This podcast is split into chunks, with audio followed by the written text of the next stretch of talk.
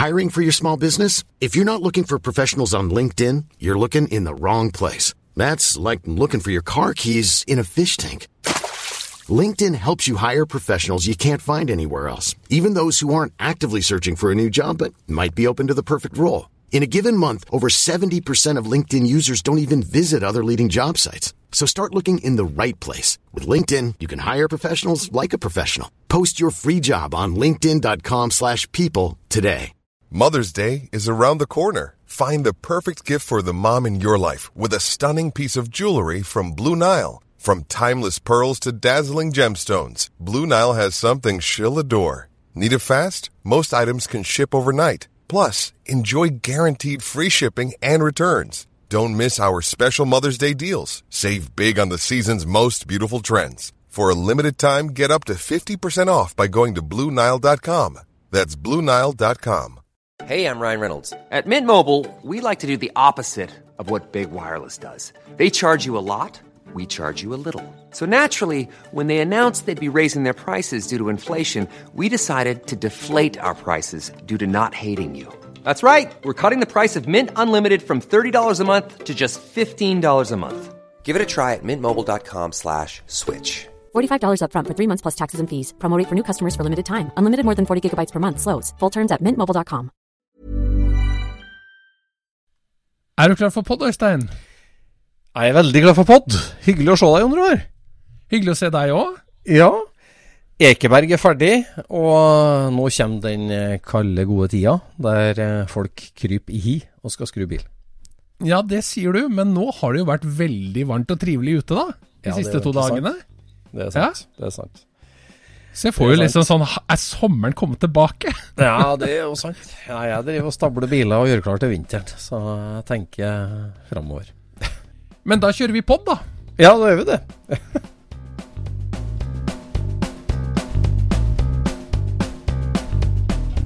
Du lytter nå til Scootspodden, en norsk podkast om klassisk bil med Jon Roar og Øystein.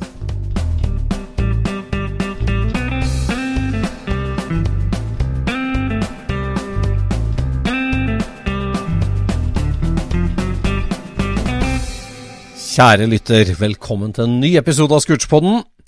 I dag så skal vi snakke litt om eh, de siste ukers anskaffelser. Vi skal snakke om Ekeberg-kuppa, selvfølgelig.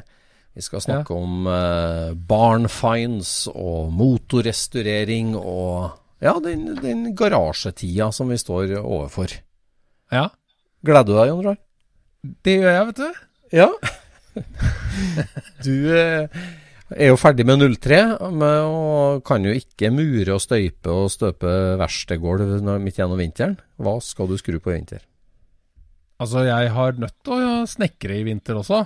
Men Ja. uh, det blir jo på forskjellige ting, da. Men uh, jeg er ikke helt ferdig med det 1303-en. Nei. Fordi jeg har kjøpt meg ultralydvasker. Så nå Ja. driver jeg og vasker og vasker og vasker. Ja, det er For skal ta rusk del for del. det kommer altså Det er nesten så det virker som det oppstår i gasseren. Ruske. Oi, Ja, ok, jeg skjønner. Ja, for jeg hadde jo brann i en forgasser, ikke sant. Så den rev jeg jo helt fra hverandre den dagen som det der skjedde, og gjorde den grundig reint. Satte den sammen igjen. Ja. Og når jeg da prøver å starte den bilen i seinhøstes, eller eh, i høst, da, mm. så eh, Da er jo den andre gasseren full av grums. Så Ja. da var den opp, og rense den. Får det på bilen igjen, starter opp igjen. Og der virker det sånn Nei, nå er det rusk i den første gasseren. Nei. Så da begynner jeg å rense den, da. Og da tenkte jeg liksom Hvordan kan det være noe i denne her? Ja. Men det var det, altså. Ja. Men det er jo så trivelig, vet du, når du legger den der eh, forgasseren oppi den ultralydbadet, og kjører på med ordentlig vaskemiddel for ultralyd, da. Og Ja. Du ser bare møkka, den bare stiger som sånn røyksøyler opp gjennom vannet. Hvor det, at det bare løses opp, og så bare kommer det til overflaten, all møkka, liksom. Nei. Ja, veldig hyggelig, altså. For det er jo kom, altså ultralyd det, er, det, er, det, det skaper veldig små vibrasjoner, ikke sant?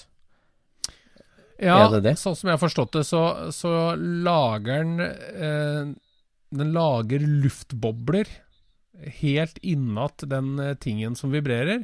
Og så eksploderer den bobla, og den, den, det sjokket som blir der sånn, det eh, river løs eh, møkk fra ting. Ja, det er sånn. Og så er det selvfølgelig varme i vannet i tillegg, og såpe, da. Ja. Mm. ja sånn er det. Akkurat. Nei, men det der har jo jeg òg ønska meg. Men jeg har liksom alltid tenkt at uh, ja, forgassere er det perfekte, selvfølgelig. Men jeg har Ja. jo så mye større andre ting jeg også trenger å vaske og rense og ordne med. Ja, ja. Men uh, Nei, jeg har tråkka til med en, en uh, 10 liter fra gasolin, da, vet du, med, ja. med R33, som er sånn eh, sikker såpe for aluminium. Aha, det fins okay. eh, finnes 77 også, men der, da forsvinner aluminiumsting hvis du lar de ligge oppi der. Nei, gjør det? jo, jo, jo. Ja, hva er er det for å rense stålting, da? Ja, den, ja, altså, de renser jo alt mulig. vet du. Noen renser jo klokker og alt mulig oppi de der. Ja. Men eh, ja, du, du renser jo hva som helst. Av, Hva slags, av, eh, uh, hva slags bildeler egner seg til det annet enn forgassere?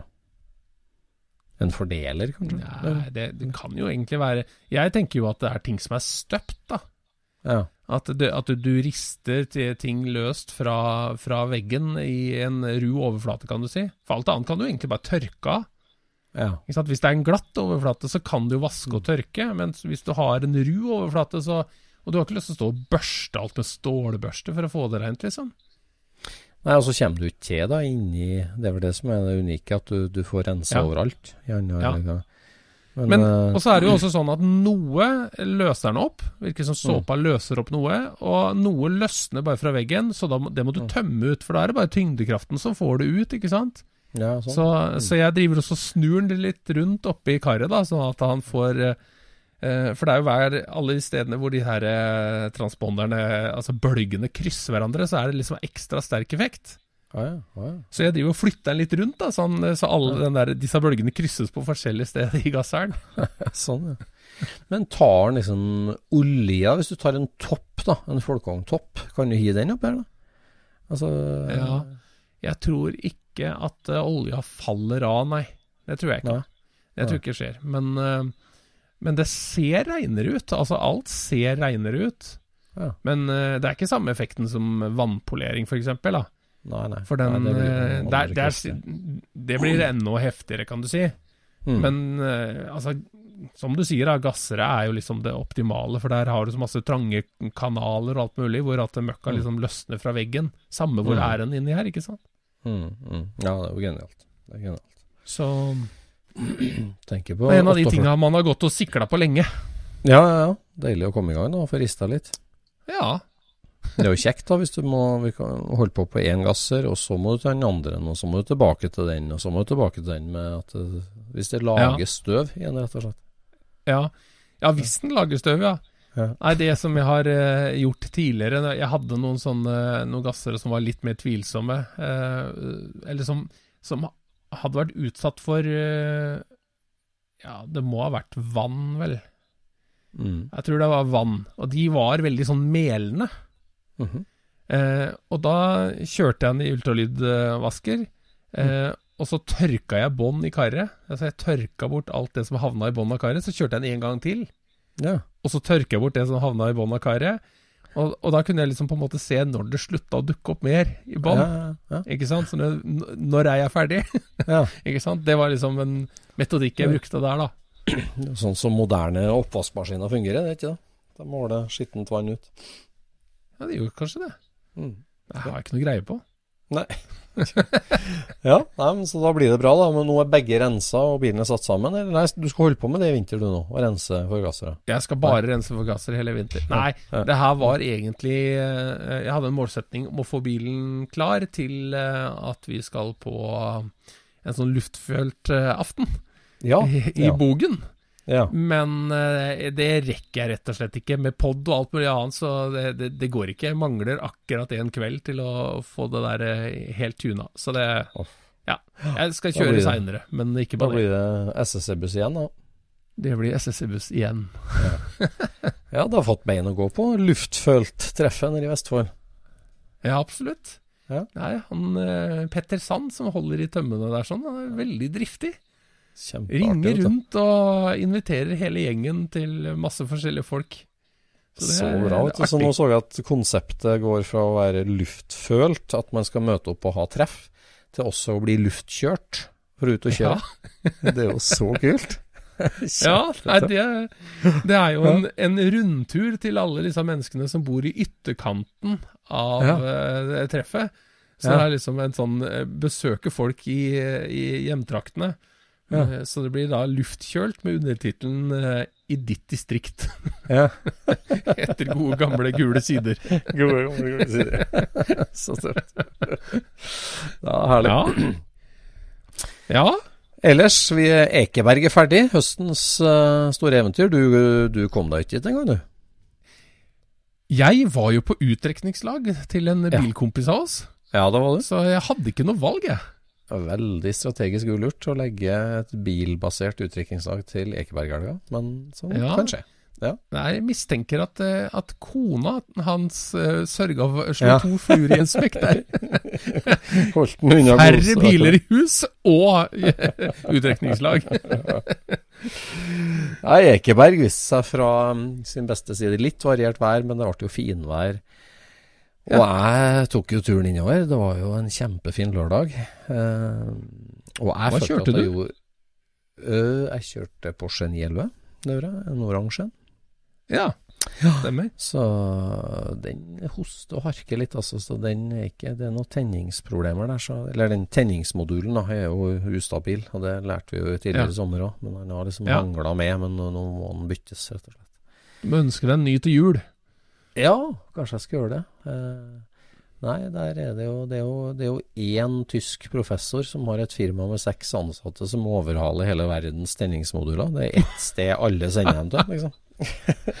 Ja vel. Og, og så bra tips jeg fikk, altså. Det, altså, det er én gubbe. Han har levd av 911 tenningsmoduler i 40 år. Ja. Så, men så i det at jeg liksom fant det der, så fikk jeg tips om at det er faktisk en kar i Norge og på Nordstrand som uh, sånn gammel elektronikkgeni som uh, åpner dem og overhaler dem og bytter noen kondensatorer og setter dem sammen igjen. ja vel, ja. Så nå Stemmer. skal jeg Nå har jeg fått ordna meg en lånemodul mens den er på operasjonsbenken til pensjonisten Ja. på Nordstrand. Ja. Så det skal bli kjempebra. vet du. Det der er jo en interessant greie, vet du. Altså, etter hvert som eh, bilene utvikler seg, så, så, så oppstår det nye yrkesgrupper Ja. som hjelper til for å ta hånd om de nye problemene man får. Ja, ja, ja, ja, det er sant. Ja. Vi, vi har jo en, eh, en eh, svensk kompis som driver, eller som har drevet bilverksted kun basert på norske Audi Allroad-eiere. Ja. Ja, ja, Ikke sant? Ja. Mye overnatting og fullt opplegg. Jeg bare komme, jeg har alle belgene på plass, og bytter, og du kjører hjem igjen. Du ja. kammene også på V6-eren. Ikke sant? Det oppstår sånne nisjer av Ja, problemer. ja, ja, ja. ja tenningsmodulen på Nielo er definitivt en sånn nisje. Så, Ja. Men det er alltid sånn Når jeg kom på Ekeberg, da, så, um, så uh, Det har vært flere ganger at jeg liksom tenker at uh, her har det vært så mye folk på hele fredagen. Jeg hadde med meg en barn, så vi kom liksom etter frokost. Eh, Så jeg tenker Ja. liksom Det er kjørt, det er ikke noe vits i. Men av og til så er det sånn at liksom, plutselig så står det noe der, bare sånn veldig tidlig i besøket. Ding! Så står det en ting. Og det ble årets ting, liksom. Og sånn var det i år. E- Ei rad ned. Vi parkerte på finbilparkeringa. Ja. Uh, gikk ei rad ned, helt på enden av ei rad. Så sto det en kar som solgte en del sånn eh, emaljeskilt, og det var veldig lite bildeler, men han hadde litt biler, og han sto i bilavdelinga. Ja. Uh, kom ned, og liksom helt bakerst på benken, eller bordet sitt, liksom helt innerst i teltet han hadde telt over, så var det ei slags pappeske eh, som jeg fikk øye på. Shit, hva er det der for noe? Eh, og, og der sto det også ei, liksom lagd nesten av sånn huntonittplate. Det er ikke papp, egentlig, men sånn huntonittplate. Gammel, falma grå, en som ei stor skoeske. Liksom liksom 25 ganger 40 ganger 60 cm. Som ei stor sånn Ja. kakeeske, nærmest. da Ja. grå, sliten gammel, så sto det med svarte bokstaver oppå lokket 'Norwegen'. Tenkte jeg, det her er noe tysk og spennende. Og så eh, sa jeg kan jeg få se på den eska, for jeg måtte liksom løfte den frem. Ja, ja, det er fint. Eh, Og så tok jeg av lokket, og inni lokket under, Den var tom, men inni lokket så var det stempla et sånt stempel, svært firkanta stempel, der det står liksom eh, serienummer, lottnummer, og så står det fargestellnummer, altså chassisnummer. Ok. Og så er det fylt inn et chassisnummer. Ja. Så bare What? Det her, altså, det her er altså en eh, andre verdenskrig-ting eh, som har kommet til Norge, så den er linka til én Norge, Norvegen, og den er linka til en bestemt bil, fordi at du skulle Ja. fylle inn chassisnummer. Ja. Og det var jo, syns jeg var kjempeartig. Så hva skal du ha for den? Nei, får jeg et par hundre, da, så er det greit. Bare, What? Ja, det skal du få. Så, så kjøpte jeg den, og kjempefin stand. Og jeg har jo Kybelwagen som kom med tyskerne, ikke sant. Eh, 41 Ja. Og den her må jo da bare være helt perfekt i bagasjerommet der. Ja. Og så langt så har jeg altså ingen eh, indikasjon på hva kan den ha inneholdt. Eh, fordi at det må være et eh, slags kit da, som ble levert med en bestemt bil til et bestemt eh, si marked, eller eh, altså om, om det her var et sånt vinteroverlevningskit for folket som kjørte bilen, eller om det var et sett med reservedeler til bilen, tilpassa norske være- forhold. Det. Eh, Altså, jeg vil jo tro at det er et eller annet som er tilpassa akkurat den bilen. Ja, Altså, altså vi, si at du, eh, at du hadde Uh, Dette er et håpløst eksempel, da, men altså at du hadde to kronhjul da, eh, Ja, til, sånn, ja. til Ja, e- ja, en ja. bil. Så at den her er laga, den her er matcha til det der. Så hvis du skal bruke den til det her, så setter du på dette drevet der. Ikke sant? Ja, ja, ja, ja, At det er noe slipt eller et eller annet da, som, som passer bare til Eller så kan det jo være, hvis det er eh, eh, Hva heter det? En låsekasse til et, et gevær som er fastmontert på en bil, eller Jeg vet ikke. Et eller annet sånt som Ja, altså sånn- Reservedelsteorien er jo smart for så vidt, men da, da skal det jo ikke ha noe med Norge å gjøre. Det Er det jeg tenker? Hvorfor var han da merka med at uh, den skal Da, kunne, da måtte han merka med chassisnummeret på bilen, altså uansett hvor Bare, han ja. havna i verden. Ja. Ja. Så det her eh, Jeg tenker liksom automatisk at det må være noe sånn vinterkit, og det vet jeg at det var jo på bilene. De hadde jo vinterutstyr, og de hadde ørkenutstyr, eh, avhengig Ja. av hvor de ble sendt hen. Ja. I kybelen så sitter jo blant annet bak i bilen, vet du, så sitter jo en sånn Det vinterkittet, et sånn lite En liten sånn sigareske, på en måte, i metall, med eh, fem glassrør inni, med forskjellig oljeviskositet på. Ok. Og så, øh, hvis du da kjører i minus øh, 30 grader da, i Stalingrad, kan vi si, så kan du ta fram den der, og så snur du den. Og så er det da en viss tid for øh, oljen Ja. å falle ned. Og da, Ja. det indikerer da hva slags olje du må ha på motoren. At liksom, Oi, hvis Ja. utetemperaturen er sånn, så må du fylle det her. Så Og det hadde de i hver bil? ja, alle Eller ja, det var i bilene som ble øh, sendt til veldig kalde strøk, så var det. Men det er jo bare en bitte liten ting. Det ser ut som en mobiltelefon omtrent. Det er i størrelse. Ja. Eh, Så jeg bare tenker at den her svære skoeska jeg fant på Ekeberg, den måtte ha inneholdt noe sånn landspesifikk, vinterspesifikk ting som hørte bilen, siden det er Norvegen på lokket på den. For det var Ja, trygt, det altså. Det var, ja. det var ikke noe, det var ikke noe sånn skrevet på.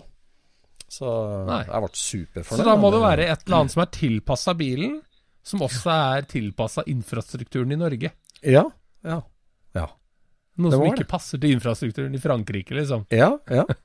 Og det er klart det er Ladestøpsel eller noe sånt noe. Ladestøpsel Ja, er ja, Jeg har kanskje hatt en norsk kontakt, liksom. Ja, kanskje det. ja. ja. Og Samsung iPhone-ladere. Ja, nei. Uh, nei, det, det, det ble jeg kjempefornøyd med. Så den eh, gikk jo rett i baksetet på Nielven. Og, og det skal bli så topp baki. Nå har vi jo snakka mye om kybelagen her før, med knottdesign og forskjellig. Men jeg, er jo egentlig ikke så ivrig på sånn ekstrautstyr og, og, og sånn stæsj, på en måte. Men det her var et ganske sånn artig stæsj, da. For at eh, det her er jo ei eske som Altså den er lagd av et type materiale, så den har ikke overlevd om den har vært ut. Så den her har vært innendørs siden krigen, liksom. Så, Ja, ikke sant? Så det gjør han- Spennende, da. Han, han som du kjøpte den, han visste ingenting. Han visste ingenting. Han, eh, det var et dødsbo han hadde tømt med noen lamper og alt mulig rart. Og så Den var sikkert full av ting oppi, da, på noe vis. Så jeg tror nok nesten han eh, har brukt den også som transport av loppemarketing. Men eh, den var til salgs. Så jeg var superfornøyd. Så Men ellers Men det er så- ofte sånn at når du går rundt oppå Ekeberg der, så, så er det ofte sånn at du ser Det er på en måte så mye dritt der at alt du ser som er ålreit, det har liksom en ekstra liten aura. det I hvert fall føler jeg det sånn at Ja, ja, Fy faen, her er en baufil, det trenger jeg. En ordentlig baufil, liksom. Ja, jeg er enig. Det, det er noe gull som skinner. Men det Men en takeaway òg er jo at det, det skrumper liksom litt inn. da. Det er mindre Ja. enn før. Ingen tvil om det. Eh, og så lurer jeg på Så jeg må jo si egentlig at alle etter koronaen har vært mindre Ja. enn før. Og det er jo bare på målt antall stands og areal du fyller ut der. Mm. Så, så lurer jeg liksom litt på hvorfor er det sånn, eh, lurer jeg egentlig på. Fordi at eh, Nei, det kan jo være at folk har rydda opp mer, da. Ja, men altså, det, skal jo alltid fylle på altså nye entusiaster. Det skal jo være attraktivt med Toyota-deler og eller nyere ting på en måte der. Ja. Eh, og eh, Jo, men du må, du må Altså, det krever jo to ting. Det er jo ikke Altså, du trenger folk som kjøper, og du Mm. trenger folk som har tatt vare på for mye. mm, Ja da. Og jeg er ikke helt sikker på at det finnes så veldig mange Altså, det er jo folk som har drevet eh, Hva heter det? Bilberging og, og bilverksteder og sånt noe. De har mye hjemme. Ja. ja, Altså, de, sånne folk ender opp med å ha mye hjemme. ja. Men, eh, men eh, vanlige bilentusiaster så føler jeg at det er ganske mange som begynner å bli trangbodd. ja. Altså at når de har fått sammen bilen, så selger de ned alt som var til overs. Mm. sant? Så nå har de bare bilen igjen, og så Mm. Eh, Jeg syns jo det er en veldig rar tanke. At alt det du Ja. ikke skrudde på bilen, skal bort. Ja. ja, nei, det er jo sant. Folk bor på mindre områder. Det er mer urbanisering. Det er, blir færre hoarders eh, og, og store vareparti liggende hos folk. Det Ja. kan du si. Og så er det jo sånn at eh, når du bruker en proff da, til å gå over en girkasse eller en motor, så er det svart-hvitt. Denne delen her sånn er ikke god nok. Mm. Eh, sånn som når jeg skrur, ikke sant, så, så tar jo jeg vare på den tingen, fordi at eh, jeg har ikke sånne svart-hvitt-regler. Jeg, jeg setter på en som er bedre, det, det, men den andre er ikke søppel. Men hvis du går til en proff, så er det sånn Den her er utslitt. Da er den i søpla, ikke sant? Det er ikke noe vits å ta vare på en utslitt eh, Nei. Eller noe han bedømmer som utslitt. Så det, der går ting rett ut. Ja. Så en som eh, proffrestaurerer Altså en som er proff til å restaurere, han, han rydder jo i delhaugen. Mm. Det er jo det som foregår der. Ja da. Ja da. Jeg er enig i det. det men det er jo liksom sånn at øh, si, Alt som var produsert og, og som på en måte har kommet til Norge av ting og deler, si bare for å sette et år 1990? Det blir jo ikke noe Det blir jo ikke noe altså klart, Det reduseres i antall i, altså innenfor landets grenser, da. Så, så, er, så eksisterer det jo store samlinger av ting og deler av ting, og de skifter eiere og flytter på seg. Det er jo veldig lite av de tingene som liksom blir kasta og forsvinner. Det blir jo på en måte ikke færre ting i omløp. Jo, altså Nei. si 5% av de delene havner på biler hvert år for at det restaureres ting. Ja, og, og 5 øh, kastes eller brenner opp eller noe sånt, så det, det blir litt mindre. Men, men uh, delene er jo der. Og så som Ja. tenkt ja, skal omsetninga og markedsplassen flyttes helt til nettbasert, da, men uh, det toget skulle egentlig gått for 10-15 år siden. Når liksom Det er sant. Uh, at, og det at det liksom nå skal skrumpe inn så mye nå, det Eller så mye. Det, det er en merkbar reduksjon i antall der, og det det syns jeg er litt sånn trist å se. Det forundrer meg litt. For at det sosiale er så viktig fortsatt for veldig mange. Mm. Ja. Uh, og, og liksom det med gjenbruk og sirkulær økonomi, og, og folk har fått trangere økonomi og kanskje vil selge ut litt mer enn det du vanligvis har liggende bare på lager, og syn- du vet hvor mye verdier noe er. Så, så det er ting som også skulle tilsi at det ble travlere på delemarkedet. Men uh, Ja. Men er det ikke også sånn at det, det fins Nå så jeg det at de hadde sånn swap meet på Buru i Drammen. ja. Eh, og, og det er ikke lenge siden i det hele tatt. Eller jeg lurer på om det var forrige helg, ja, ja. at de hadde det. Mm. ja. Eh, og det syns jo jeg i tid er veldig nære Ekeberg. ja, det er jeg enig i. Eh, og, og det er jo i hvert fall ikke langt mellom Drammen og Ekeberg. Altså Folk som står på Ekeberg, de har vanligvis kommet langt. Mm, det er sant. Nei, Så jeg jeg, vet ikke om de kanskje er andre steder og sånt. Ja, det kan hende. At det er mer konkurranse. At det er ikke sånn at alle skal peke. Men eh, så er det noe med sånn kostnaden. eh, Det, der tror jeg Norsk veteranklubb gjør seg sjøl i bjørner... Eller hva skal jeg si de, de eh, ødelegger sin egen kake med at de har skrudd opp prisene jevnt og trutt, liksom. Og det er sikkert Det koster sikkert en formue å leie Ja. så sentralt tomt og alt sånt. men Ja. det er klart liksom hvis, hvis inngangsprisen din er Jeg vet ikke hva det nå koster, om det starter på 750 kroner, og så er det 100 kroner per meter ekvipasje eller noe sånt, så du, du betaler lett eh, 2000 kroner liksom bare for å få stand der. Ja. Og det er jo en terskel, det òg. Det er liksom litt sånn, sånn uh, sirkushester og underholdning. Altså det, du skulle jo liksom gjort det Altså- gratis å selge for å få volum. Ja, altså greia er jo det at eh, eh, de som kommer på Ekeberg, og de som selger på Ekeberg, ingen av de, tror jeg, gjør det av idealisme. De ja. gjør det De som selger, de har nødt til å selge for det det kosta å komme inn. Ja. Ellers så blir de hjemme neste gang, ikke sant? Ja, ja. Og de som ikke fant noen ting der, de kommer ikke nødvendigvis neste gang. Så det, det, du har jo en sånn en, eh, eh, Det der stopper seg sjøl, det. Ikke sant? Ja. Hvis du vet at jeg har ikke nok her til å få inn de 1100 kronene jeg ender opp med å betale for det der. Nei. Nei, så jeg tenker liksom der Det blir som en fotballkamp uten fotballspillere, liksom. At det, det er få spillere, men masse publikum. Og, og forholdstallet selgere av publikum er jo uh, tigangen, femtigangen, jeg vet ikke.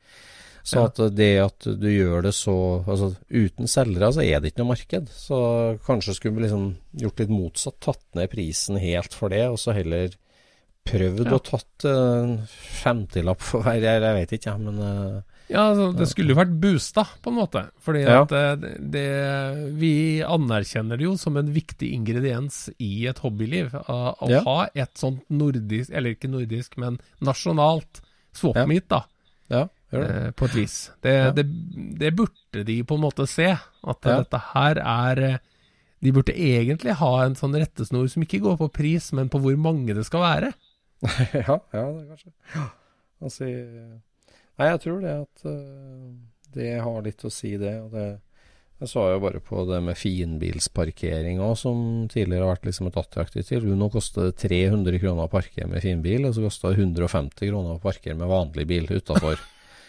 og det er ikke penger Ja, er det står for at de skal selge Er det for at det, folk skal selge bil som står der, da, eller? Ja, det er jo liksom i utgangspunktet beregna på det, da, at du kan Ja. At du kjøper en plass for å selge bilen din. Ja. Men det er klart der òg, du, du, du, du stimulerer hobbyen og folket med at flere kjører hobbybilen sin dit, for all del. Det, man burde hatt Mm. eh, terskelen lavt for det, eller at det var billig å selge. Men eh, jeg skal ikke sitte og syte for pengene, det, det, alt koster, og det, det koster for all del. Men som en forklaring Ja. på hvorfor det, Men det skrumper litt. Men akkurat i kjøp og salg, da, som er det eh, det gjelder for de som står der oppe og selger, så Mm. er jo det er jo svart-hvitt. Hvis, du hvis du ender opp med å betale 500 kroner og Mm. har brukt en helg Mm. altså, Ja, så spiste du noen pølser og eh, skravla med noen folk, men, men hvis, hvis eh, regnestykket går feil vei, så tar det slutt. Ja, det gjør det. Det gjør det. Det gjør det, så, men eh, jeg elsker Ekeberg. Det er så hyggelig å gå rundt der, og, og det er Ja. så mye kjentfolk, og det er så mye trivelig. Og og da får med seg noe småtteri hjem, og så er det jo en fin Ja. hverdag. Jeg har jo fått den tilbakemeldinga om at uh, swap-meetet på SSC i år var så fantastisk. Ja, det har det vært flere som har sagt. Mm. Ja, men jeg tror ikke verken du eller jeg kikka på det. Nei, det gjorde vi ikke. det er litt trist. det er litt trist. Men uh, det får ikke med seg alt. Nei, det gjør ikke det. Det gjør ikke det. Men én ting en ting som jeg fikk med meg her uh, en kveld, for jeg ser Det har jo begynt å bli så mange sånne proffe uh, YouTube-kanaler som legger mye energi, altså svenske og norske. De ja. legger mye energi på produksjonen, liksom. Ja. Og det syns jeg er litt sånn artig å se på. Og så, og så er det noe som heter uh, Motormania Garage. Mm -hmm. Som er eh, Det er et sånt prosjekt som han som drev Moon-butikken i Sverige, har. Mm -hmm. ja. De driver og bygger litt biler og har litt sånn ja, De har noen sånne storylines da som de på en måte bygger bil etter. Uh -huh. Og der er det en kar som bygger en sånn Camaro Cup-bil.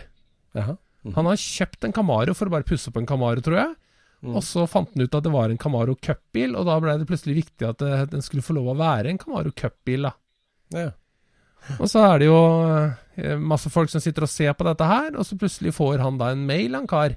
Du, jeg har masse Camaro Cup-deler liggende hjemme, du kan jo komme og se om det er noe du trenger til prosjektet. Ja. Og så sitter eh, jeg og ser på dette her sånn, da. Eh, og så kommer de hjem til han karen, og så ser jeg et karosseri på en henger som står liksom lent opp mot noen busker. Ryan Reynolds here from Mint Mobile. With the price of just about everything going up during inflation, we thought we'd bring our prices down. So to help us, we brought in a reverse auctioneer, which is apparently a thing. Mint Mobile unlimited premium wireless. Ready to get 30, 30, bit to get 30, bit to get 20, 20, 20, bit to get 20, 20, bit to get 15, 15, 15, 15 just 15 bucks a month. So, Give it a try at mintmobile.com/switch. slash $45 up front for 3 months plus taxes and fees. Promo for new customers for limited time. Unlimited more than 40 gigabytes per month slows. Full terms at mintmobile.com. Everyone knows therapy is great for solving problems, but getting therapy has its own problems too, like finding the right therapist, fitting into their schedule, and of course, the cost. Well, BetterHelp can solve those problems. It's totally online and built around your schedule. It's surprisingly affordable too. Connect with a credentialed therapist by phone, video, or online chat, all from the comfort of your home. Visit betterhelp.com to learn more and save 10% on your first month. That's BetterHelp H E L P. Og så tenker jeg, hva er det der? Det ser liksom sånn helt vilt ut, det der karosseriet, da. Mm. Det er liksom, det er en løpsbil av et eller annet slag, og mm. det er noe sånn 70-80-tallskarosseri, da. Mm -hmm. Men det er ikke så veldig lett å se hva det er, for at ting er endra, liksom. Det er skjermbredder, og dørene mangler, og du ser at det er noe bur inni og noe greier. -huh. Og så går de bare rett forbi det der sånn, og begynner å leite i, i hauger med, med, deler da, som han karen har, og så etterpå mm så filmer de bilen i en ny vinkel, den på hengeren, og så begynner de å snakke om den. Ah, ja, ah, ja. Og da viser det seg det at uh, det der er jo det som er igjen av operen til Gjedhulteren. Oi. Den ja. med Lamborghini-tolleren. Den har du snakka om før. Ja. Den har jeg snakka om i poden før, vet du. Ja, ja, Plutselig står jo den på en henger der, den da. Nei.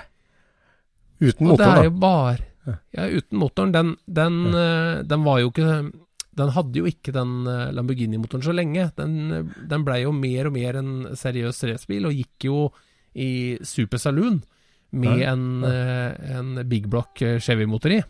Ja.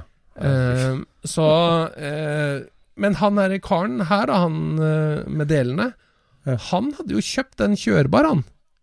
Oi. Og så hadde han plukka den ned og så vet jeg ikke akkurat hvor lang altså De snakka veldig lite om den bilen, egentlig. Men, men han hadde kjørt den, og han hadde plukka den ned. Og så hadde han jo havna på den hengeren, da. Yes. Og så sier han det at eh, han hadde jo syntes det var litt trist at den bilen sto sånn, og han hadde ikke noen planer for den.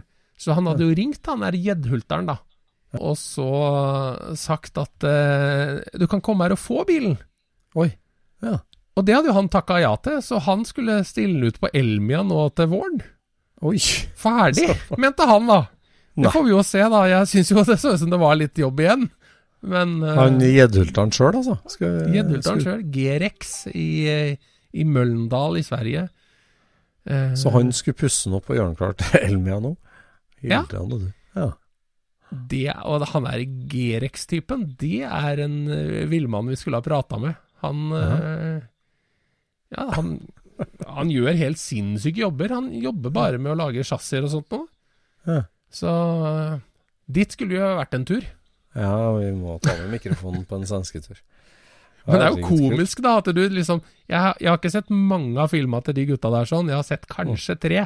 Og i en av dem så er den, film, den bilen. Det syns jeg er litt gøy, da. Ja, det var gøy.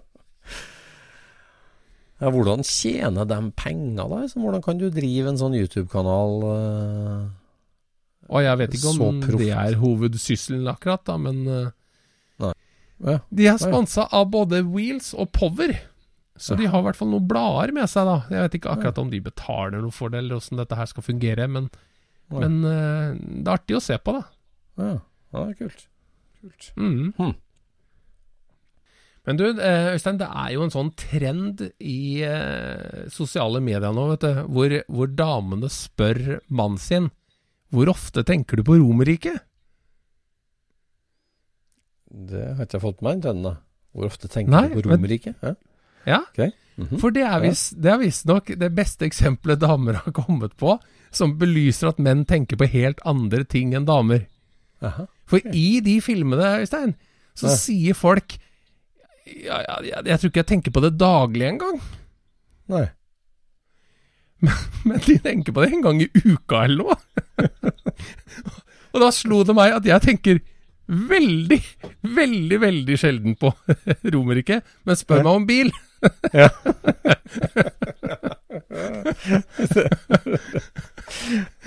Hvor ofte tenker du på Romerike, Øystein? Ja, det er veldig sjeldent. Eller jeg er jo på. Romerike.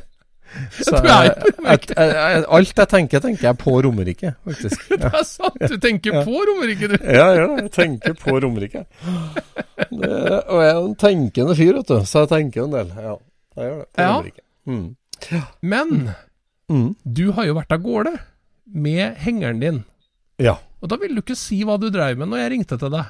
Nei, du forstyrra jo midt i stroppinga, og, det, så det, Ja. og du visste jo at jeg skulle ut og hente stor, tung ting.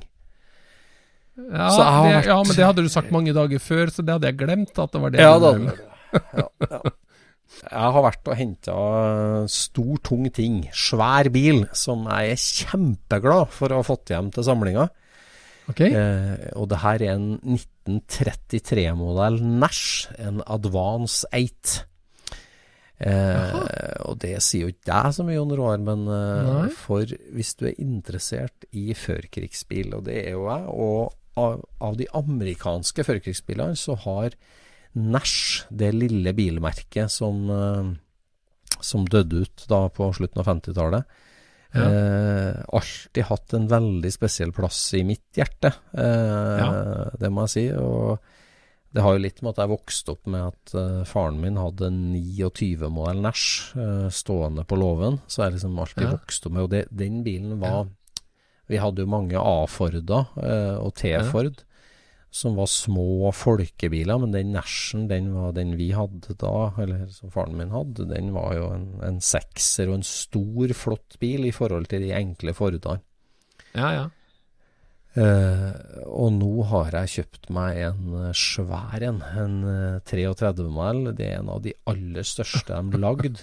En to tonn diger femseter lukka bil. ja. Men to Eh. tonn høres jo ikke så stort ut, men det der er jo et monster. Ja, stor. Og altså bare motoren, ikke sant. Det er jo en, en feit rekkeåtter med dobbelttenning, så det er 16 tennplugger, og fordelerlokket har 16 kabler. Ja. Eh, så det sitter plugger på hver side, og det er overliggende kammer, og den lekre motoren. Eh, Så Overliggende kammer, ja. Det er litt rått, da. Ja, rått. Og det er ikke noe tull, det der. altså. Det er ikke noe høvelbenk. Men de bygde motoren sjøl, ikke sant? Det var, det var Det er en Nash-motor. Det er en Nash-motor. Eh, Ja. Og det er det som er med Nash, at Nash kan si var starta som et sånt eh, lite, ganske enkelt type bilmerke. Og så Mm. gikk de til sekser ganske tidlig og bygde ganske store liksom, sånn middelklassebil da, uh, mm. oppover 20-tallet og slutten av 20-tallet. Mm. Og så i, i 31-32 så, så skjer det jo for det første et sånt uh, designskifte i amerikansk bil. Frontruta Ja. står ikke vertikalt lenger, den ligger lite grann. Ja. Grillkappa er liksom avrunda i kantene, den er ikke flat som ei tavle, liksom. Så 30, 31, 32 så, så er det veldig spennende år. For at i 34 så Ja. Er det en fullstendig endring igjen. Da, da er det mye mer strømlinjeformer og, Ja. mye mer pressinger i karosseriet. Det, rutene blir mer runde, sånn ubåtvindu, og, og Ja, grillen ligger veldig bakover. Så 34 så så 32-33 er jo ansett altså I hotrod-verdenen og Ford så er jo 32 det gylne året, ikke sant? Og, Ja. Og, og de feiteste Dusenbergene f.eks. som er lagd, de Ja. dyreste bilene, det er- det er, det er 32-33 modeller. Det er det. Og, Ja.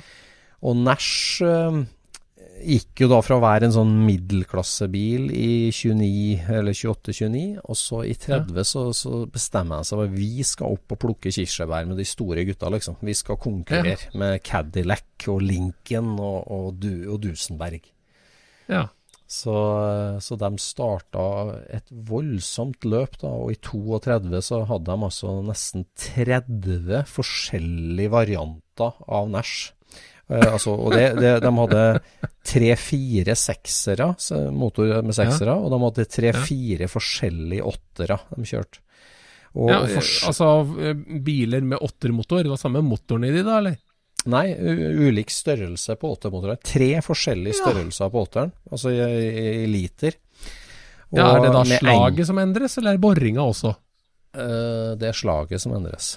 Ja. Og, og så var det en da med bare enkel tenning, og så var det de med 16 plugger og dobbelttenning da, på de Ja, som ja. største. Så den, den jeg henta nå, en type 1180, det er liksom den nest største da, i, i, i serien. Eh, og, Ja. og, og, og så det her er liksom det er en litt sånn utfordrer. Eh, så, mm. altså, det, det er en middleweight champion som skal opp og bokse med heavyweight-gutta Ja. som bare drar på. Og dette der var et veldig kappløp mellom ja, Dusenberg, Lincoln, Cadillac, der de kom med, med f- f- sant, V8-ere, og så kom det overliggende kammer, og så kom det rekkeåtter, og så kom det V12, og så kom jo Cadillac med den brutale V16, ikke sant, på det meste. Ja. ja. Men Nash da, de gikk opp i volum og kjørte på med dobbelttenning, og, og hadde en stylist som tegna noe utrolig flotte karosseri. Og den grillen og fronten på den bilen her, det er, det, det er det peneste eh, altså for, I mitt hode så er det den peneste uh, modellen fra det peneste året. 32-33. Ja.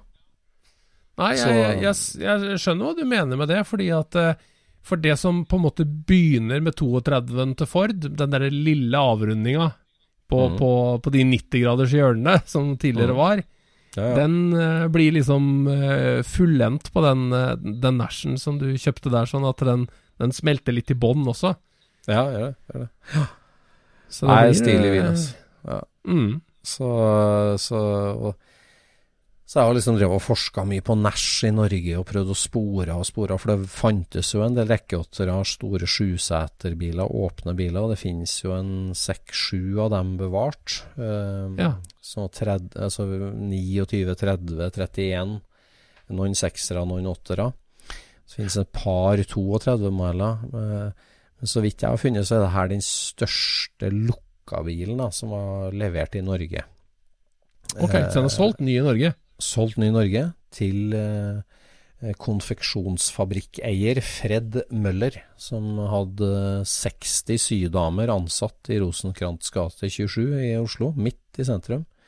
Ja. Så bygde han en svær, flott bygård. eh, og han var bare 42 år når han kjøpte den Nashen splitter ny. Da. Og han var disponent og bodde på Bygdøy. Og var, eller Høvik, unnskyld, bodde på Høvik.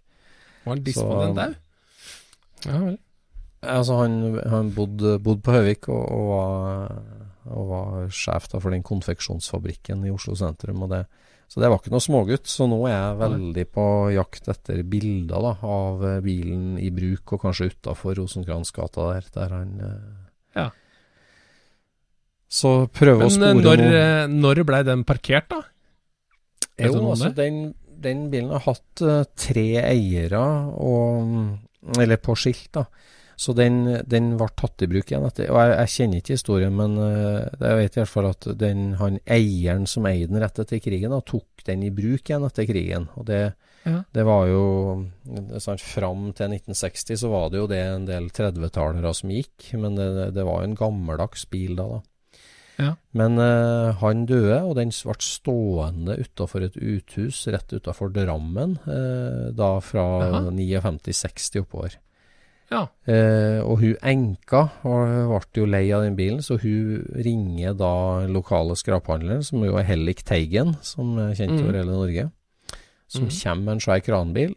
eh, og stiller seg på siden av den, og, så tar, og, det, og da er det altså en fullt kjørbar, veldig komplett og hel fin bil med originallakk på hele bilen. Ja, ja. Så Hellik Teigen kommer, og han skal ta tak i bilen sånn som han gjør med skrotbiler på den tida. Han eh, stopper kranbilen, sveiver ned rutene i begge framruta- framdørene, trær igjennom en svær i-bjelke, eh, og hekter i krana på hver side av den, og skal løfte den opp på planen og ta den med seg. Ja. Og han napper i krana og drar den i-bjelken da 20-30 cm opp i karosseriet, bøyer eh, toppen på dørene, bøyer taket. Eh, men, eh, men skjønner jo da at han klarer ikke å løfte bilen på en måned, for det her var jo en drittung, svær bil. ikke sant? Og karosseriet Ja. er jo i, i treverk og stål. ja. Så han drar inn der og ødelegger framdørene på en veldig fin bil. Og, og gir opp og sier at eh, nei, jeg får ikke den med meg, den må stå igjen. Og, og dama, for at han klarte ikke å løfte den eh, på den måten, og hadde ikke noe annet. Han løfta avforda på den måten, men ikke sånn. ja.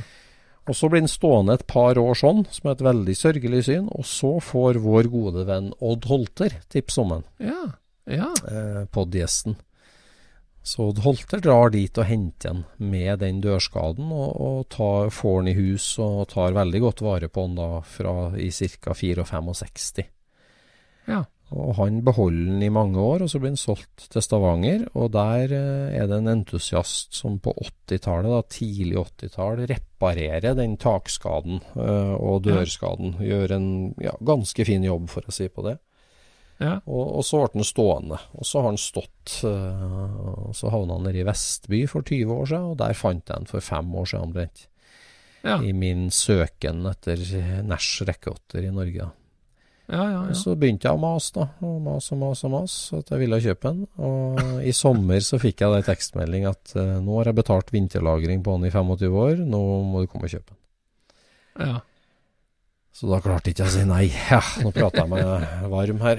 Men øh, nei, jeg syns den er så fin, og den er liksom litt utafor hovedinteressa på mange måter. Den er ikke tysk, men, men den er så lekker. At ja. jeg er superglad. Mm. Jeg syns, jeg syns jo at uh, Nash er et veldig tøft bilmerke. Ja, jeg liker jo de siste, siste Nashene, syns jeg er veldig gøy. da De som ikke Ja. har hjulbuer, liksom. Ja, ja, ja. Den var modig, vet du. kjempe, ja, det syns jeg er kjempetøft. Ja. ja, etter krigen også, så var de kjempemodige i designet. Eh, Ja. og turte å prøve ut ting. Ja. Så, Men laga de motoret helt eh, fram til slutten? Eh, de gikk jo inn i et sånt eh, American Motors-samarbeid. Det var Rambler, og det var Hudson, og det var Kaiser, og det var Nash. Eh, Ja. Så det ble noe deling på motorproduksjon der oppover. Eh, altså Willys og Willys-jippen var jo med sant? Ja. eh, i det konsernet der. Så etter krigen var det nok litt samkjøring der.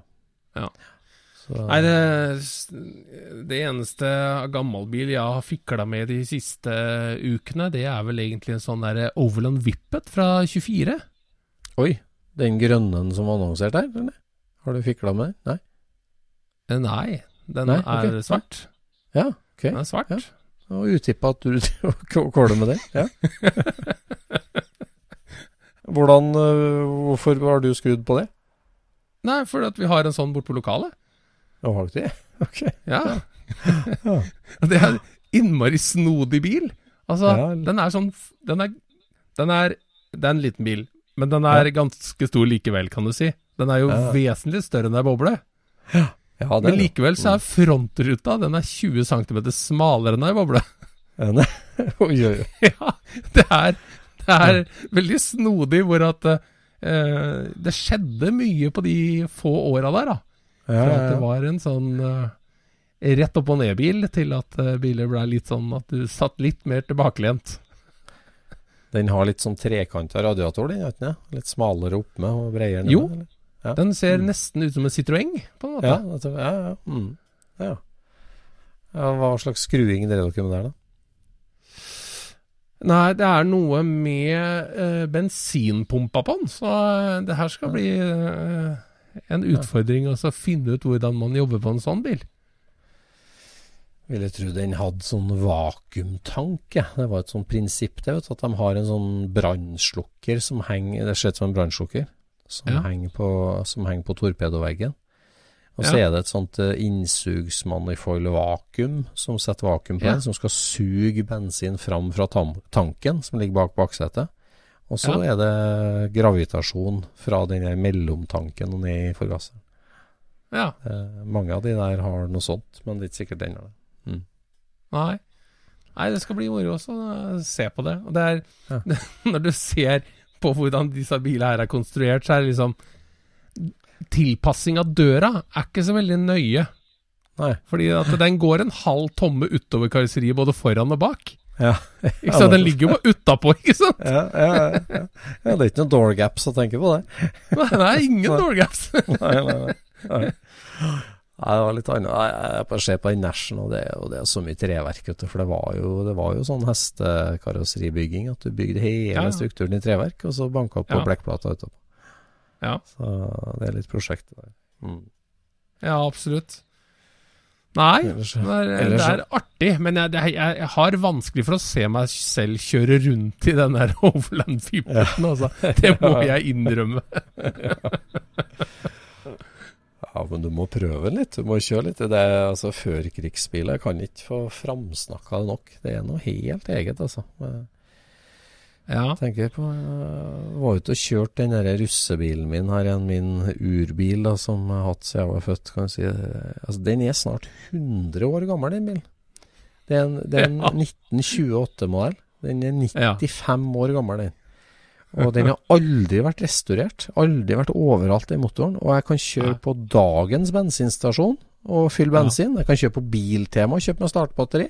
Og jeg kan Ja. kjøre rundt med den bilen på vanlig vei på en 100 år gammel maskin, altså. Det ja det er helt rått.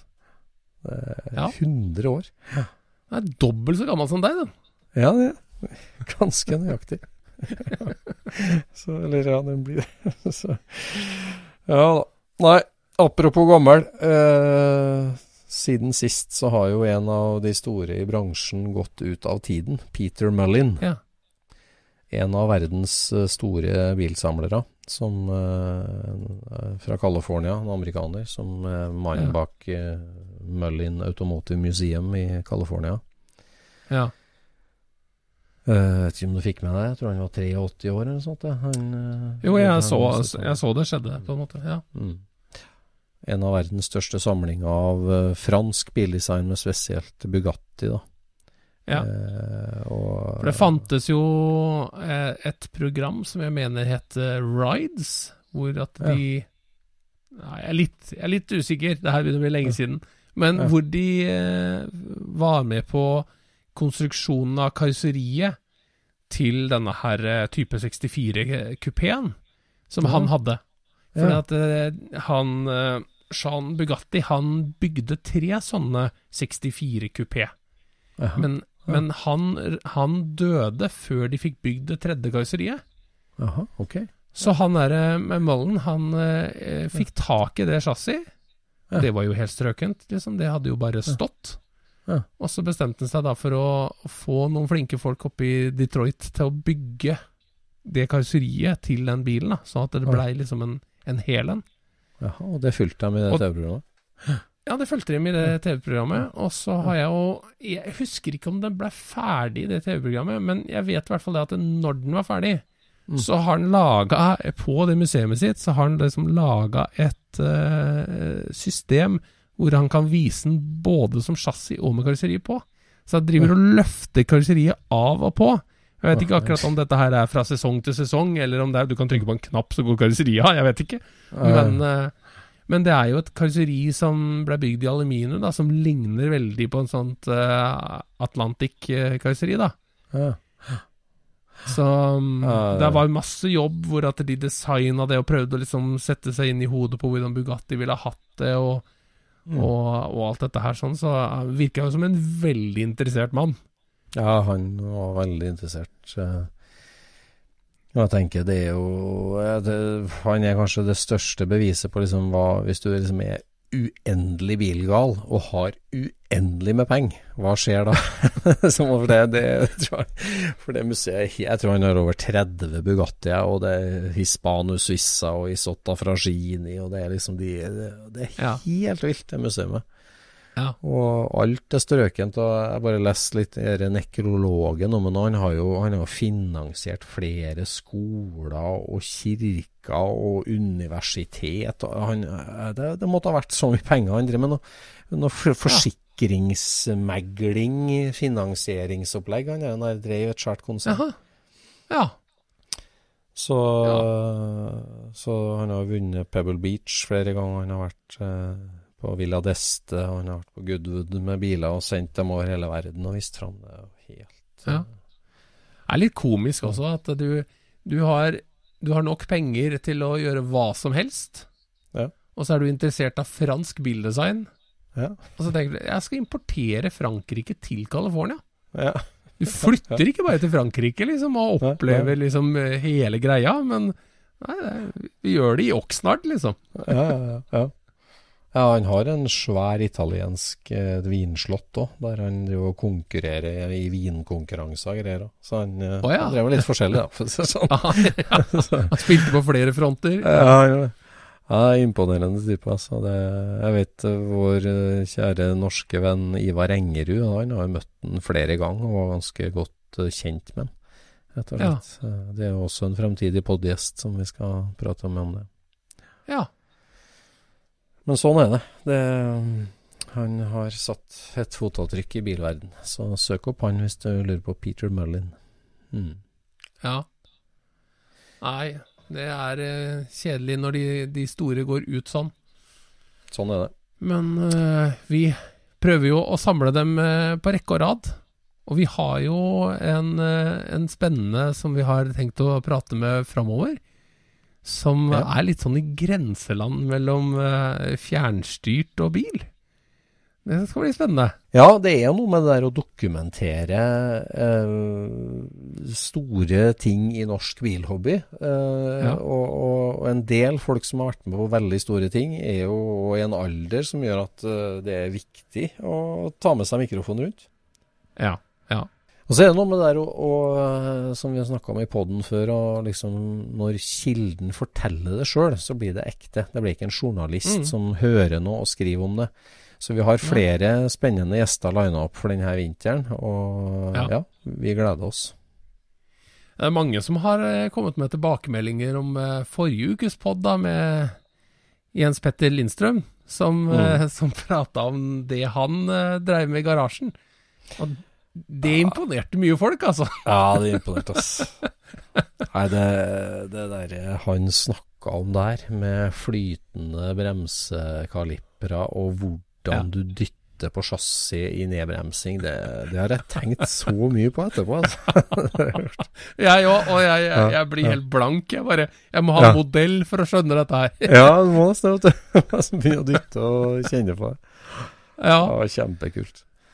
Altså det er eh, jeg- Men jeg fikk jo også en, en bekymringsmelding i etterkant av den poden. Mhm. For i podden før så sa jeg jeg håper at det blir mye mer sånt i Scootspoden framover, sa jo jeg. Ja, ja, ja, bekymringsmeldingen gikk på Jeg håper ikke det blir veldig mer avansert enn det der, for da faller jeg av. Ja, vi elsker det. Vi elsker det. Vi gjør det. Ja. Det er helt supert. Nei, men sånn er det. Vi kan jo bare strekke oss mot solen, vi kommer jo aldri til å nå den. Ja, det Nei, det er kjempebra. Og så må vi jo takke folk for at folk er flinke til å gå inn og gi oss eh, score på iTunes. Ja, Og gi oss kommentarer. Det er, eh, det er veldig bra. Det er veldig bra. Det liker vi. Gå inn på der du hører pod, og legg igjen score, og skriv eh, noen ord om hva du syns om Skurspodden. Mm. Ja, da skal jeg ut i delelageret og grave litt, da, for eh, min veldig kjære og flinke og snille motormann, eh, Knut Sommerstad, han ringte meg her. Eh, vi har jo holdt på med mange motorer siste. Nå holder vi på med en 49-modellmotor, som eh, 49-modell nummer to, med Folkvogn-motor, som vi holder på med nå. Som eh, jeg hadde vaska og skrubba og levert til han, og så Når han åpna den, så ringte han meg og sa Øystein, Øystein, den motoren her er kjempebra! Den er kjempebra! Det, det, det er alt i orden. Det, det er egentlig vi, tenker, vi, må bytte rådelager, men bærelager, sylindere, stempel, alt er kjempebra. Det er bare å sette den sammen igjen. Den er helt topp. Og det har Oi. aldri skjedd før på de motorene. Nei, de har aldri skjedd før, men det har alltid hørt sånn ut på deg. Ja. Nei, det har vært mye deleslakt og greier. Det her måtte alt fra, tipp til, fra topp til tå var liksom veldig bra.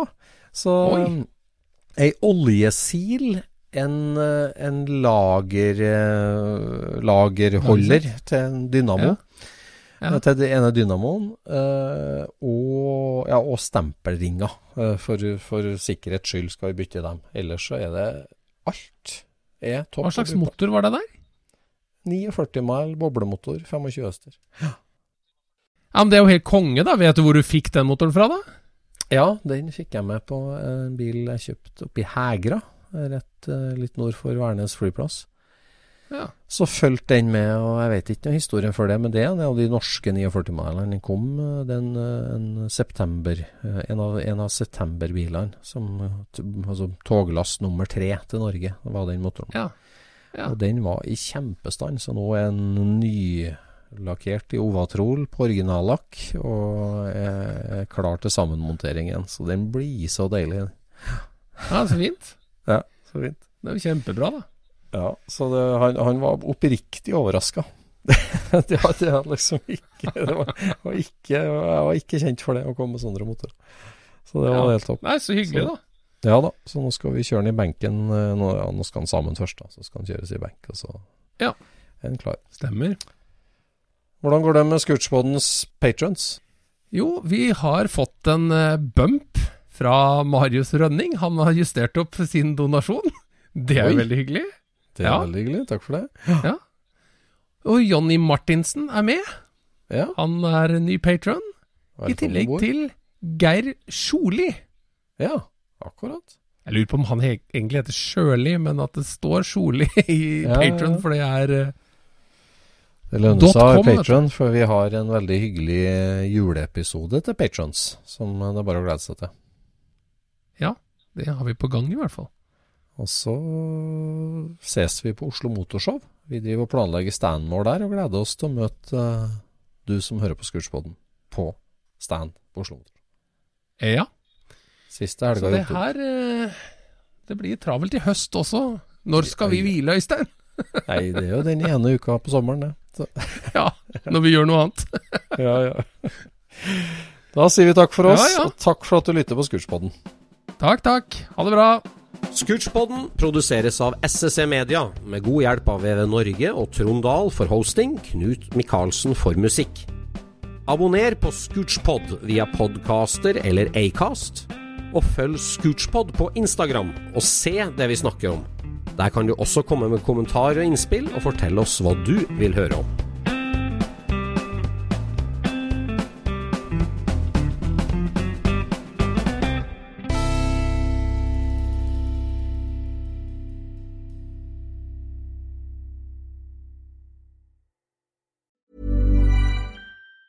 Planning for your next trip? Elevate your travel style with Quince. Quince has all the jet setting essentials you'll want for your next getaway, like European linen, premium luggage options, buttery soft Italian leather bags, and so much more. And it's all priced at 50 to 80% less than similar brands. Plus, Quince only works with factories that use safe and ethical manufacturing practices. Pack your bags with high-quality essentials you'll be wearing for vacations to come with Quince. Go to quince.com slash trip for free shipping and 365-day returns. Mom deserves the best, and there's no better place to shop for Mother's Day than Whole Foods Market. They're your destination for unbeatable savings, from premium gifts to show-stopping flowers and irresistible desserts. Start by saving 33% with Prime on all body care and candles. Then get a 15-stem bunch of tulips for just $9.99 each with Prime. Round out Mom's menu with festive rosé, irresistible berry chantilly cake, and more special treats. Come celebrate Mother's Day at Whole Foods Market. Planning for your next trip?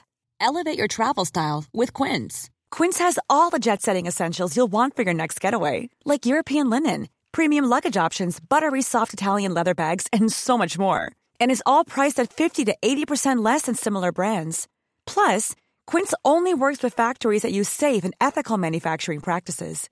Pack your bags with high-quality essentials you'll be wearing for vacations to come with Quince. Go to quince.com slash pack for free shipping and 365-day returns.